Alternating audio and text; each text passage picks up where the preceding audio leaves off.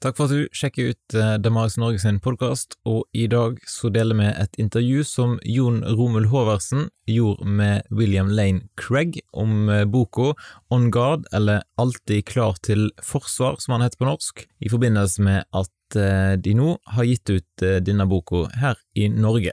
Så vi har fått lov til å dele det intervjuet, du kan òg se det som en video, hvis du ønsker det, ute på YouTube-kanalen til Reasonable Faith. Men her får du altså intervjuet i dagens eh, podkastepisode.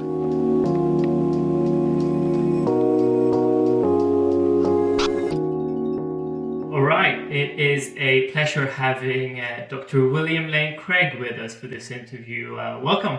Thank you. It's good to be with you, John. So uh, you've been to plenty of these uh, Q and A, uh, haven't you? What do you feel about uh, participating in, in, these kind of events? Well, the social media has been a great boon to my ministry during the pandemic. I have quit traveling and speaking in person, but through these social media, I am able to reach thousands and thousands of people with the defense and proclamation of the gospel far more than I would have been able to touch through my own personal contacts. Well, that's that's wonderful that we can exploit this uh, digital era, reaching out to people uh, all over the world at the same at the same time, and now also Norway as well. Exactly. So we're doing this Q and A associated with the launch of your book On Guard for students being translated into Norwegian, uh, which will be uh, due to uh, be uh, in sale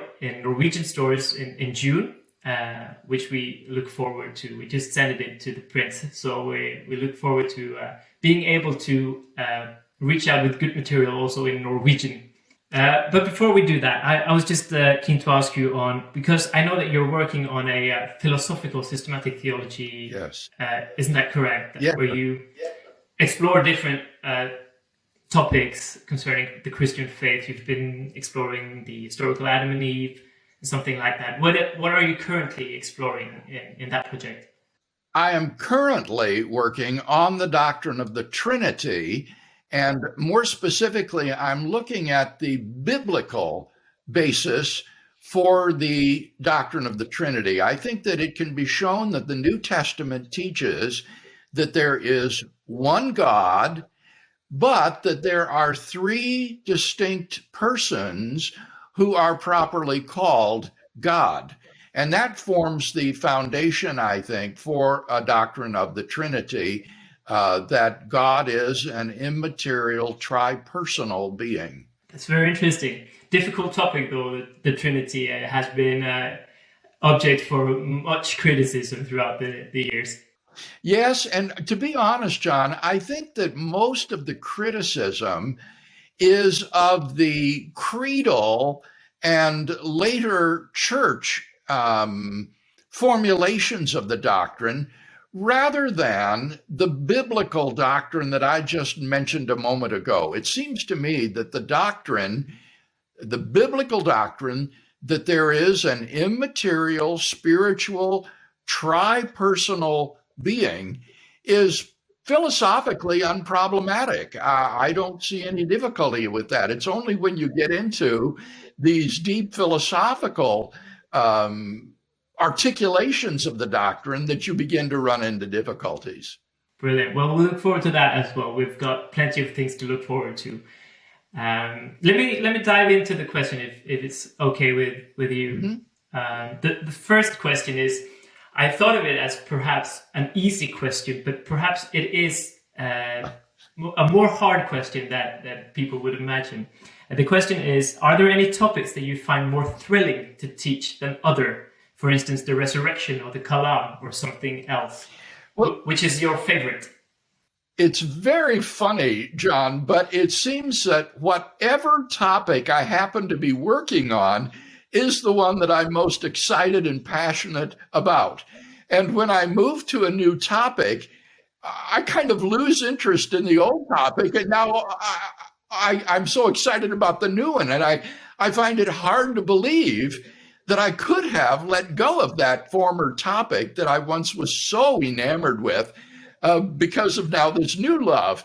But I would say that of all of the topics I've worked on, probably the doctrine of Christ's substitutionary atonement would be the most thrilling. It seems to me that this is a doctrine which lies at the very heart of the Christian faith and which involves a whole host of interesting philosophical questions that need to be explored. Well, yeah, that is a good answer. I mean, uh, it is central of our faith, and uh, to explore that is is very thrilling. But I would say that of all the topics that I've worked on over the years, the one that I find the most thrilling would be the doctrine of Christ's substitutionary atonement. This doctrine lies at the very heart of the Christian faith, and it is just filled with interesting philosophical ramifications. And so that has been, I think, one of the most rewarding studies that I've ever done the doctrine of the atonement. That, that's very interesting. I, I remember reading your Atonement in the Death of Christ while in uh, seminary, theological seminary. And I remember that my professor, he uh, used to critique uh, the substitutional, penal substitutionary atonement. Oh. And I was reading your book and, uh, while while doing the seminary, and, and it really helped me through it. Good, good. Yeah. Okay. So so the next question that came in is also on a more per, uh, on a more personal note, uh, and um, it is: Do you have a daily routine for nursing your personal relationship with God? For example, praying, Bible reading, listening to worship music. Mm-hmm. What what does a day uh, look like uh, connected to Bible reading and stuff like that?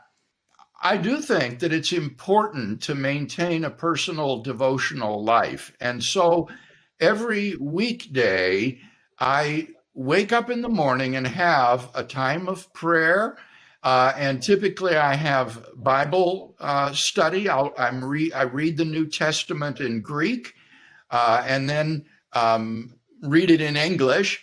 Uh, and um, then later, when Jan and I have breakfast together, we will have devotions with each other.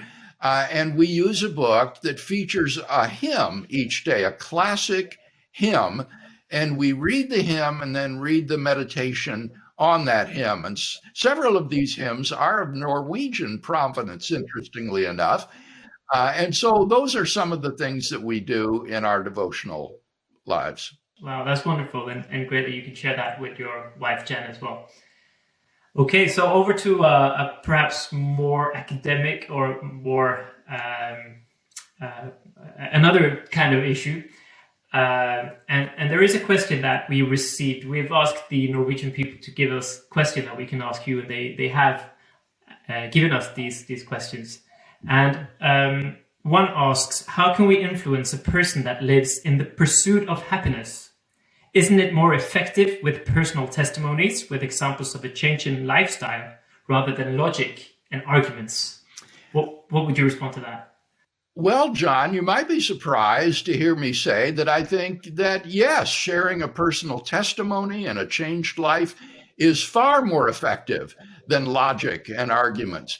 Uh, people uh, want to hear from you personally what your faith means to you. How has Christ changed your life? And so I think every Christian needs to have memorized a personal testimony of about, say, three minutes in length that he can share with an unbeliever that will explain what his life was like before he became a Christian, how he became a Christian, and then what change or difference has that made in his life after that. And I think that personal testimony is probably the most effective evangelistic tool that you will have.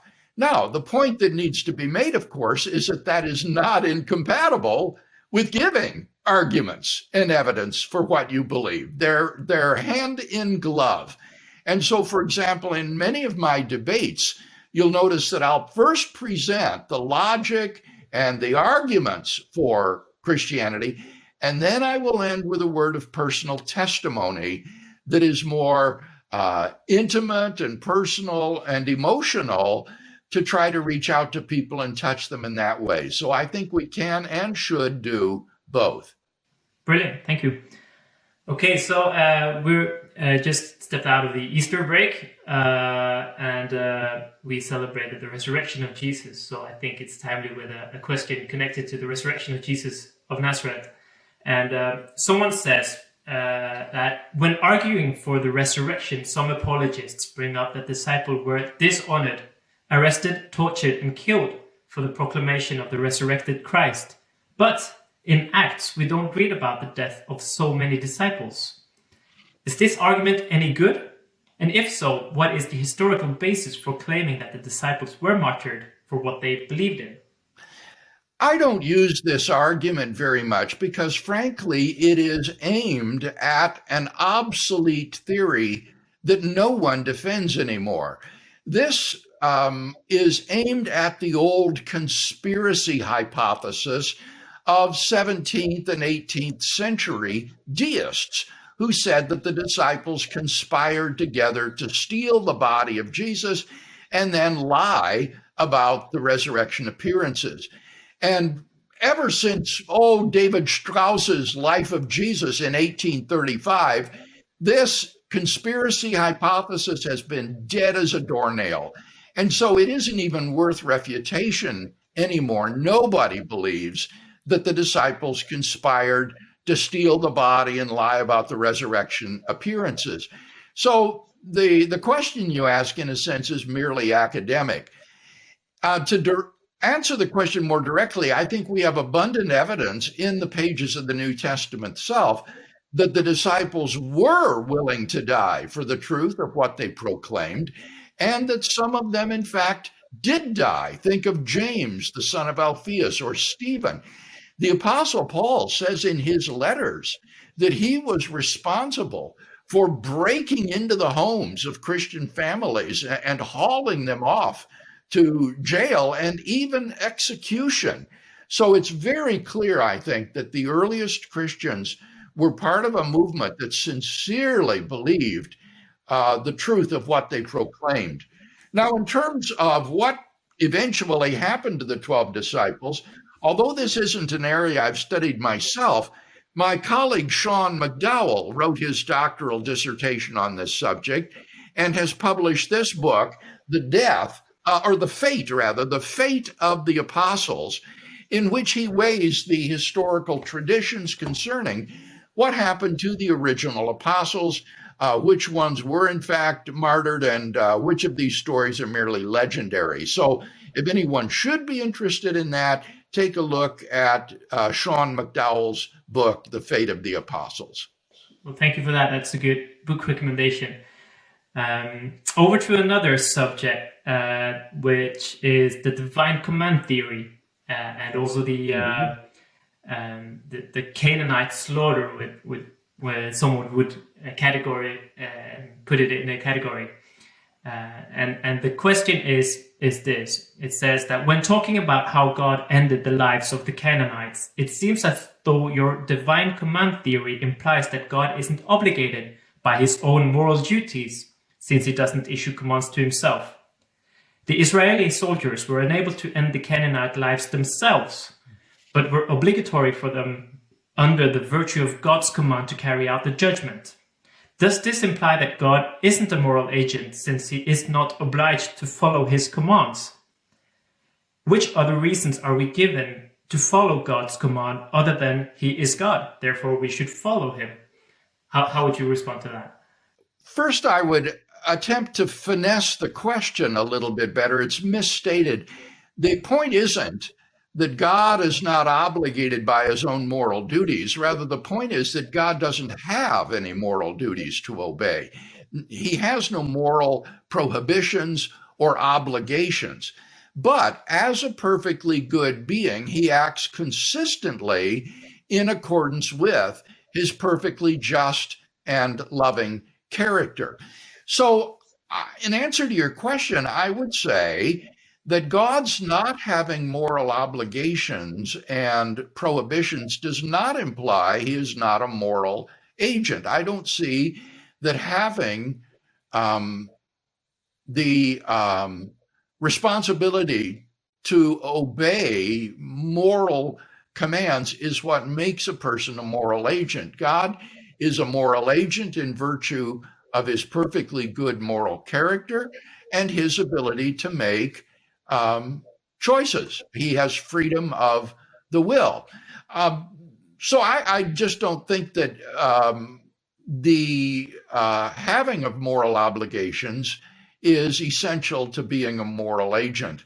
Now, as for the other question, uh, what other reasons are we given to follow God's commands than He is God, therefore we should obey Him? I don't think there is any other reason to obey God's commands than that. The, the theory is that our moral duties are constituted by divine imperatives. Imperatives issued by a competent authority gives rise to obligations. And we have these duties in virtue of the fact that God, the supreme good, has issued certain imperatives to us. You shall do this, you shall not do that. And therefore, these constitute our moral obligations and prohibitions. Now, of course, it can be added that doing so is very wise. I, I do believe that obeying God's uh, commands will ultimately lead to human flourishing and happiness. But those practical consequences are just the icing on the cake. They aren't the reason that we are obligated to do the th- these things. The reason arises from the fact that a competent authority has issued these imperatives to us. Thank you. So, a question on the topic of hell. Um, and uh, it goes like this It seems as though Paul never talks about hell as being an eternal conscious torment. Rather, it seems as though he speaks of hell as being something finite. If hell is an eternal conscious torment, why isn't Paul more clear on this? And why is Jesus speaking about the eternal destruction in Gehenna? I reckon referring to, to Matthew 10 28. Yeah, I don't think there's any passage where Paul speaks of hell as being something finite. I, I'm puzzled by that question. Uh, maybe someone can provide a verse for me, but I, I can't think of any place that Paul says that the punishment in hell will be finite. In Second Thessalonians 1 9, Paul says of those who oppose the gospel that they will suffer the penalty of eternal destruction and exclusion from the presence of the Lord. Um, so, although he doesn't mention torment there, he does mention that this will be an eternal punishment visited upon the ungodly. As to why he isn't more clear, I suppose it would just be that the topic didn't come up in his letters. We have to remember that the letters of Paul are what are called accidental epistles. That is to say, they are occasioned by certain situations in the churches to which he wrote. Uh, and so they are um, accidental in that sense that they address their needs and concerns. So, to give an illustration, if there had not been people in Corinth who were getting drunk at the Lord's Supper, we would have no mention in Paul's epistles of the Lord's Supper. And there would undoubtedly be then New Testament scholars who would say, aha, this proves that the Pauline churches did not celebrate the Lord's Supper. Uh, but because in Corinth they were abusing the Lord's table, Paul wrote about it to them. And so we know about it. Uh, and so I, I, I, would say that Paul doesn't address this uh, at greater length simply because it wasn't an issue he faced. As for Jesus, uh, in Matthew 25, in the parable about the sheep and the goats, and how the king separates the sheep on the right hand and the goats on the left hand, he says that the sheep go away into eternal life, but the goats go into eternal punishment. And the word there for eternal in both cases is the same word. So I think that Jesus also believed in and taught uh, the eternal punishment of the wicked. In this question, it seems as though you were quoting um, the, the, the verse in Second Thessalonians with the eternal destruction, right? that might perhaps be one of the uh, examples that they would think that Paul is speaking of hell as, as something finite, as the word of destruction. Ah, okay. Now that's a little bit different, John. What you're talking there about is annihilationism. And this would be the idea that God annihilates the damned rather than gives them finite punishment. I took you to mean that the damned would be punished after life for a finite amount of time, and then perhaps they would be released into heaven. It would be like a sort of purgatory, uh, something of that sort. But annihilationism would be a quite different view. Um, and you would need to appeal to verses like the ones I mentioned there that I, I don't think eternal destruction means uh, that they are annihilated. Um, uh, they will suffer this eternal exclusion from the presence of the Lord. Right, right. So, so the arguments for annihil- uh, annihilationism hasn't hasn't convinced you uh, in biblical. Well, I think the problem with annihilationists uh, is that they assume that death and destruction means non-existence, and it seems to me that that's not right at all. Um, life uh, in the biblical spiritual sense of the word, zoe means spiritual life um, with God. And that's different from mere biological life, bios, from which we get the word biology. So while the wicked in hell may have bios, they have life, they're alive as organisms they don't have zoe, they don't have spiritual life because they're separated from God. And so we shouldn't associate death with non existence. Okay, thank you. So, another question. Uh, someone writes and says Hi, Dr. Craig. Thanks for the debate with Keith Parsons in the 90s. do, do you remember that debate? Oh, very well. That was one of the most robustious debates I've ever been in. Keith Parsons, when he showed up at the debate, had a big floppy brimmed hat and a big cigar. And he said, I'm going to go out and smoke this stogie in the church parking lot after the debate. well, that's something you won't forget. no. Was there like a controversy with uh, the hallucination uh, going on in that debate? Do I remember that correctly? Did you discuss the hallucination theory in that debate?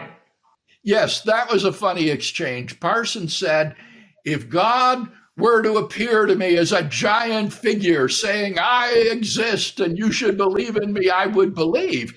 And I said to him, You would not, Keith. You'd say, Wow, did I have a whopper of a hallucination last night? And the whole audience laughed because it was so obvious. That's exactly what he would do.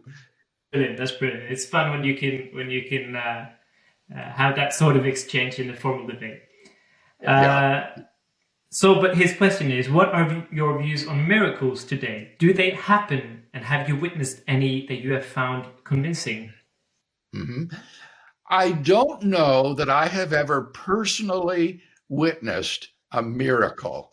Um, I may have once. I was listening to Dr. Ralph Alexander speak at a conference, and he began to lose his voice and the laryngitis became so bad he couldn't even talk i mean it was just a whisper he, he couldn't speak and he just bowed his head at that point and said lord help me.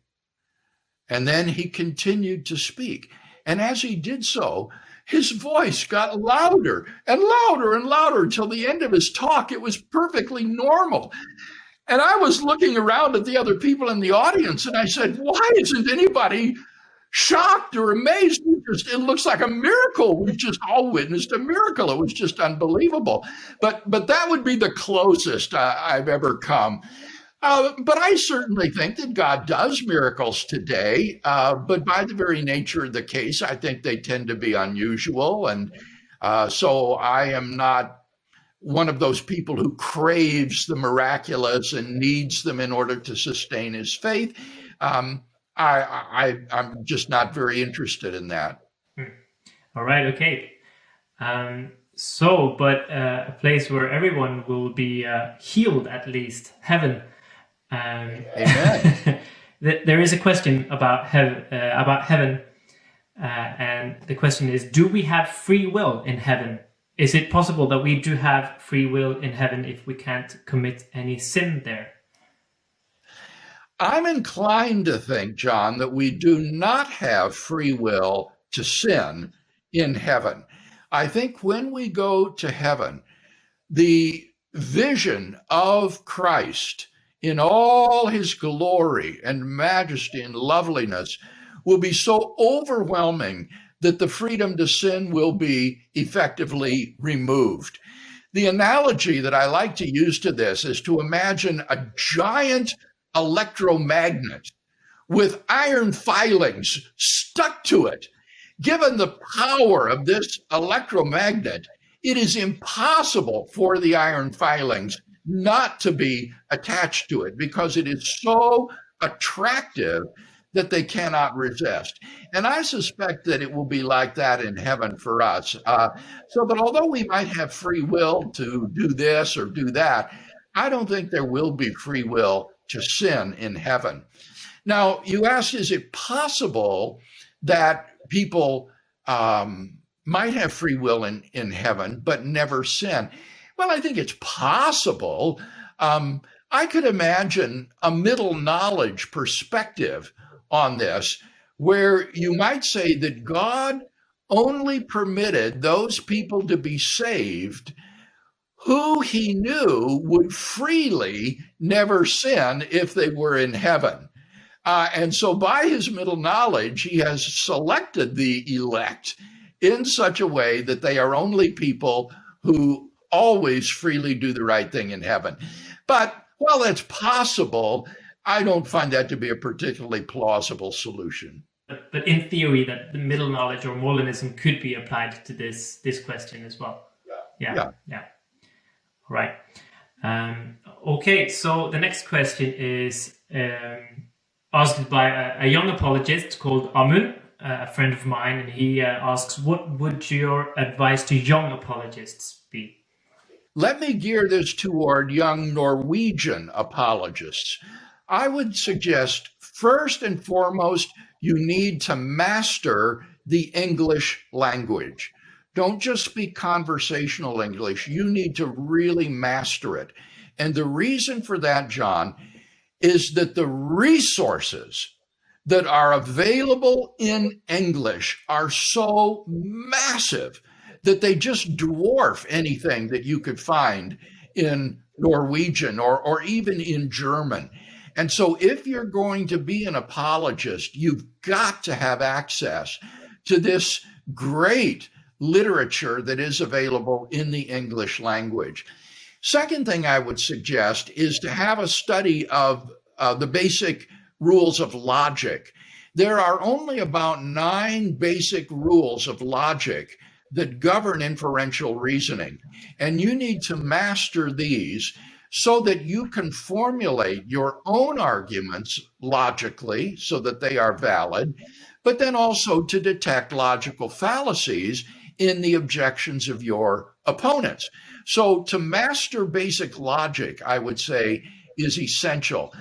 The uh, third thing I would suggest is to have a very good knowledge of Bible contents.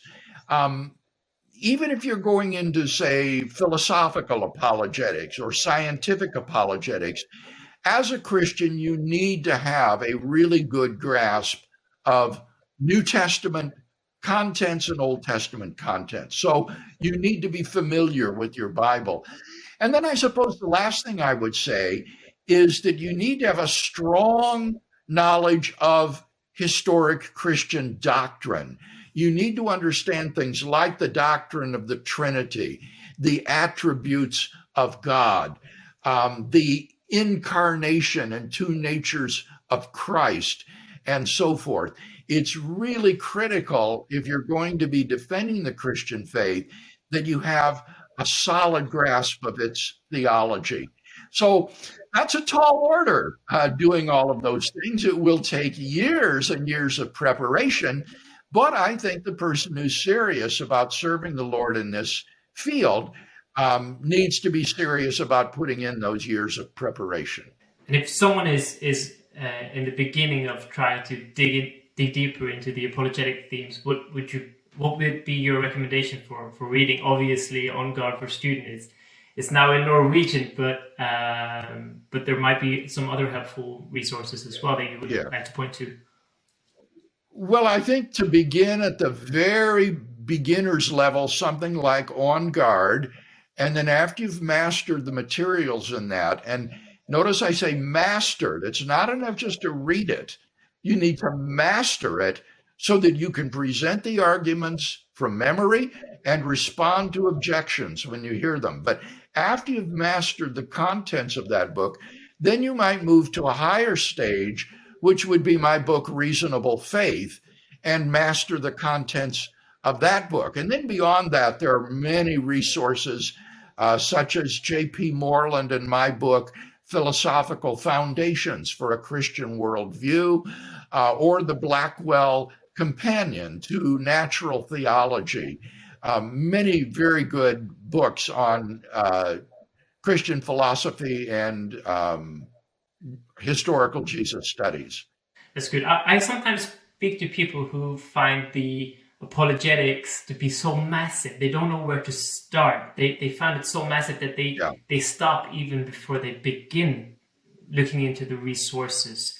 Um, what would you uh, what would your advice be to, to the people who found found the apologetic resources to be so massive? Yeah, well, again, I, I would just repeat what I've said, John. Start with On Guard. This is a primer. It's kind of like a Swiss Army knife. You know, it's got all the little tools in it that you're going to need to present a case for the existence of God, to rebut the main objections to God's existence, and then to give a case for the historical Jesus and his resurrection from the dead. So it really gives you that basic ground level apologetic for the Christian faith. And then it will simply be a matter of deepening your understanding of those arguments by graduating to more difficult books like Reasonable Faith. And obviously, people are probably uh, shaped by the needs around them. I uh, when I uh, whenever I picked the subject, digging deeper in my theology, uh, I I listened to people around me and listening to what questions they had, and then tried to do something about that. So perhaps listening to people's uh-huh. needs good. as well. Uh, uh, that that might be something good. Sure, I think it is good to network with other like-minded people so that you can stimulate and encourage one another. That's why we like to encourage people to um, start a reasonable faith chapter at their university or church where like minded people can get together to do a book study together or watch a video or a debate and discuss it. Uh, and we will provide resources for anyone who would like to be a reasonable faith chapter director in their local area.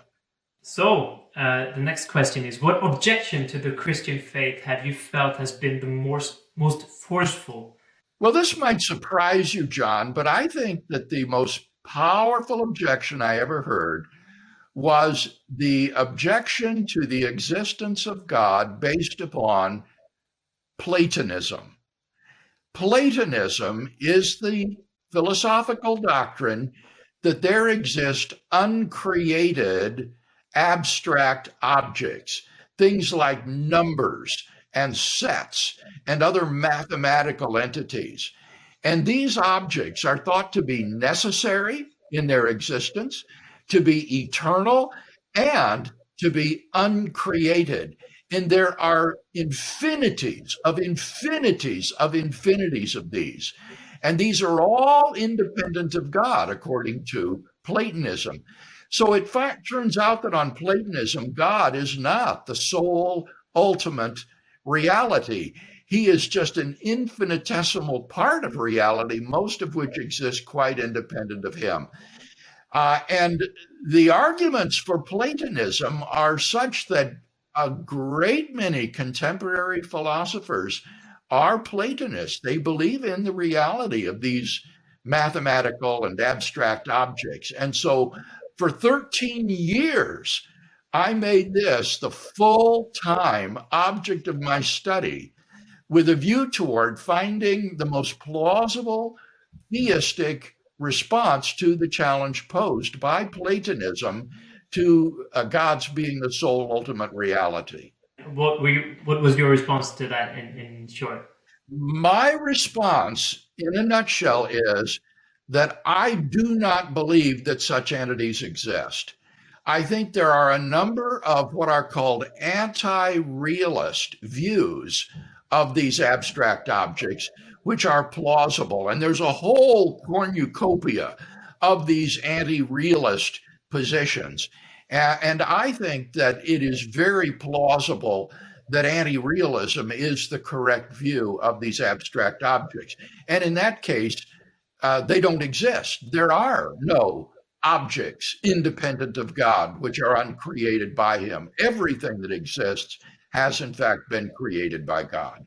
Yeah, that's that's very interesting. And you you said that you uh, that I might be uh, surprised by your answer to this, and you were correct. I was thinking more of the lines of uh, the the divine hiddenness objection or the, the, objection from from evil, which is probably the yeah. those objections that you get that you receive the most perhaps. Yes, you're absolutely right. Uh, but I remember when I first heard this objection at a philosophy conference in 1982, it hit me like a dagger in the heart because I had no answer for it. And yet it seemed uh, to completely pull the carpet out from underneath theism. Um, and, and, so, this for me was the most powerful objection to the existence of God I'd ever encountered, even though very few people are troubled by it. To your uh, to your belief, to your faith life, when you uh, listen to uh, an objection like that? Ah, one of the things you learn, John, when you're a philosopher, this is a really important point, is that there are at least two sides to every question, and usually many, many more. And so when you encounter an objection you don't know the answer to, you don't despair and, feel that your faith has suddenly been shattered and the ground has been removed.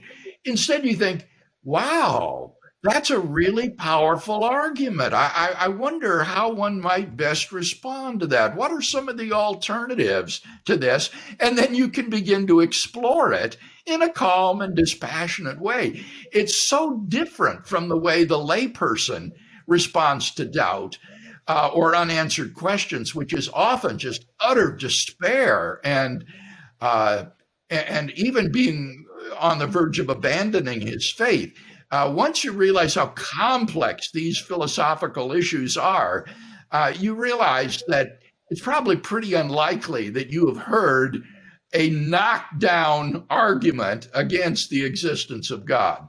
And even though there are perhaps a few things that on the on the surface is hard to um, make sense in the Christian faith, leaving Christian faith isn't going into a neutral zone, right? It's it's embracing another worldview that might have much more uh, difficult things to to logically. Yeah.